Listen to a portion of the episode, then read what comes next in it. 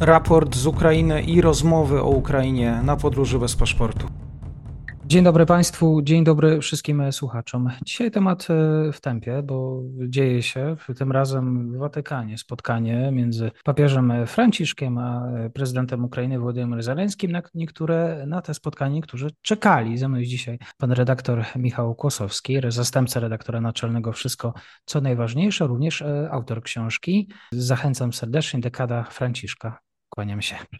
Kłaniam się, dzień dobry, witam bardzo serdecznie. Pytanie, pan myśli, redaktor, jakich słów oczekiwał dzisiaj prezydent Załęski od papieża? To jest e, ciekawe pytanie, bo mam wrażenie, że prezydent Zełęński faktycznie przyjechał z bardzo jasnym przekazem w ogóle do Włoch. Włochy jako szósty największy na świecie wytwórca broni e, no, jest bardzo ważnym miejscem, są bardzo ważnym miejscem dla prezydenta Zełęńskiego. I teraz myślę, że e, prezydent Zełenski jest świadom słów papieża Franciszka, który ponad 100 razy powiedział o tym, że to Rosja zaatakowała Ukrainę, że naród ukraiński jest cierpiący. Ale przyznać trzeba, że hmm, chociażby po tweetach czy po tym wywiadzie, który wieczorem udzielił prezydent Zełenski e, włoskiej telewizji, e, widać, że przyjechał z agendą, w której chciał popchnąć papieża i Watykan w bardzo konkretnym e, kierunku, może nawet trochę wymusić pewne słowa na Ojcu Świętym i na Watykanie, o czym trochę jego niefortunny wpis na Twitterze świadczyć może.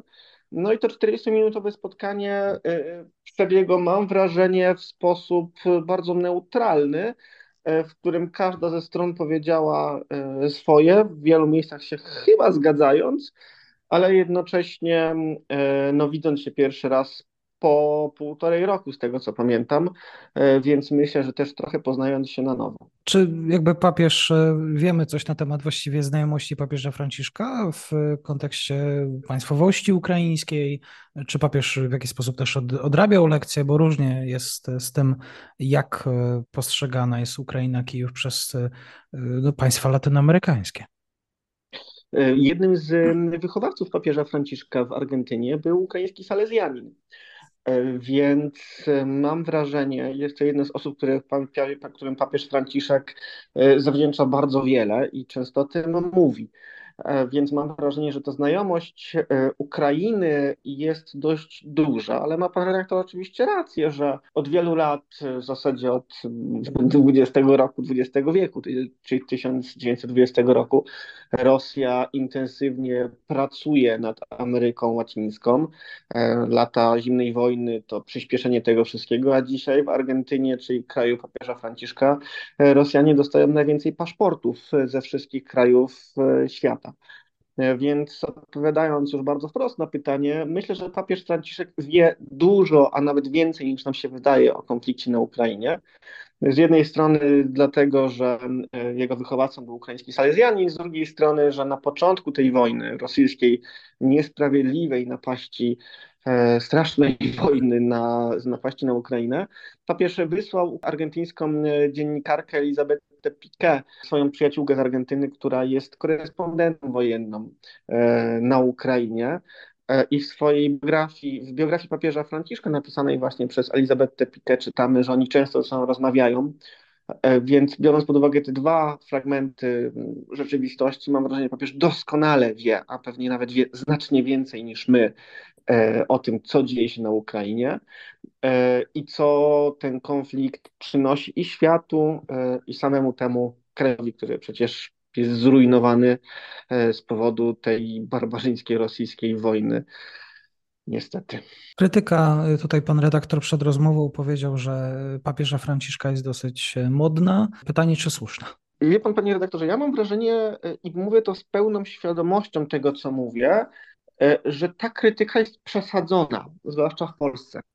E, bo e, jeżeli, no ja mieszkam w Rzymie na co dzień i rozmawiam z ludźmi w Watykanie, jeżeli zapytać w Watykanie o politykę papieża, nie o ludzi z Watykanu, księży, biskupów, tylko chociażby korpus dyplomatyczny, e, to większość ambasadorów mówi o tym, nie mogę nic powiedzieć, proszę zapytać jedną osobę w Watykanie. I tą osobą jest Andrzej Jurasz, mm, czyli ambasador Ukrainy właśnie przy Stolicy Apostolskiej. Jest to człowiek, który nigdy papieża nie skrytykował, a za każdym razem dziękuję mu za jego um, próby pokojowe, za mediację, chociażby mediację w kontekście wymiany jeńców, bo to Stolica Apostolska sprawiła możliwą wymianę jeńców między Kijowem a Moskwą. E, więc nadzieję, że ta krytyka, zwłaszcza w Polsce, jest o tyleż modna, e, co nie zawsze usprawiedliwiona. No bo oczywiście są słowa, których się nie da bronić, słowa papieża, które, których się nie da bronić i z tym się zgadzam, ale myślę, że też trzeba się słuchać trochę w dwa jeszcze inne mm, elementy przekazu Watykanu. Po pierwsze, w te słowa i gesty, które papież wykonuje, a po drugie w bardzo praktyczne i konkretne działania, które również Stolica Apostolska podejmuje. Mam tu na myśli chociażby pomoc humanitarną, którą kardynał Krajewski zawozi tonami na Ukrainę i pomoc humanitarną, której udziela kardynał Czerny, czyli dwie najbliższe osoby y, papieża Franciszka, też właśnie w Ukrainie działający. Także ta y, krytyka, często oczywiście mamy prawo krytykować papieża, Jasne, tylko słuchajmy dokładnie tego, co on mówi, bo o ile popularność tej krytyki, yy, ja się nie, nie, zgadzam z tym, że ona, że ona jest tak popularna, że często powiem, że łatwo skrytykować, czasem po prostu się trzeba wsłuchać w to, co on mówi. Czyli yy, nie spodziewa się pan redaktor jakiejś zmiany, szczególnie po tym spotkaniu?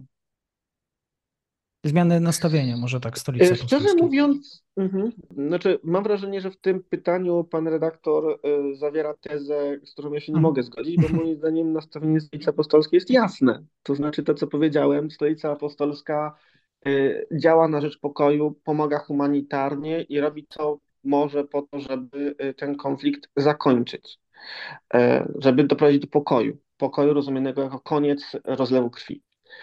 E, I, I, niech to będzie odpowiedź na, na, to pytanie, bo uważam, że e, w tym kontekście, czyli dążenia w kierunku pokoju, nie, to ta polityka papieża, który dąży do pokoju, się nie zmieni. Mhm.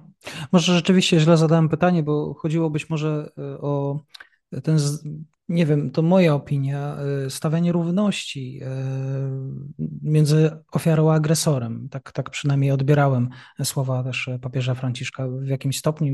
No właśnie chodzi być może o... to jest słuszna krytyka. I to jest, panie redaktorze, coś, pod czym ja również się podpisuję, bo uważam, że częściowo te słowa papieża są absolutnie, no powiedzieć niefortunne, to powiedzieć niewiele, y, ale kiedy mówi o ginących rosyjskich żołnierzach, E, i Ukraińcach. No, nie można stawiać równości między agresorem a obrońcą. I tutaj pełna zgoda w kontekście jeszcze wcześniejszego pytania, które pan mhm. redaktor zadał. I to jest ten element słusznej krytyki. Mhm. W takim razie Załęski e, wraca z Rzymu, bo również spotkanie z Giorgią Meloni. Jak patrzą na, na obrazki, e, no dosyć sympatycznie na sobie patrzyli politycy. Udana wizyta, podsumowując, to Załęski wracasz, czy powiedzmy, z tym, co chciał osiągnąć?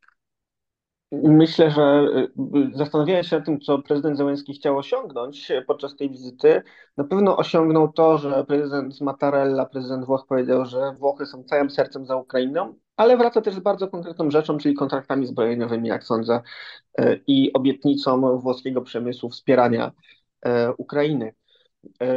I myślę, że z tym faktycznie wraca. Myślę, że niekoniecznie wraca z pokojem, czy z tym, że może przynieść pokój, bo to już zupełnie inna, inna rzecz wydaje się być.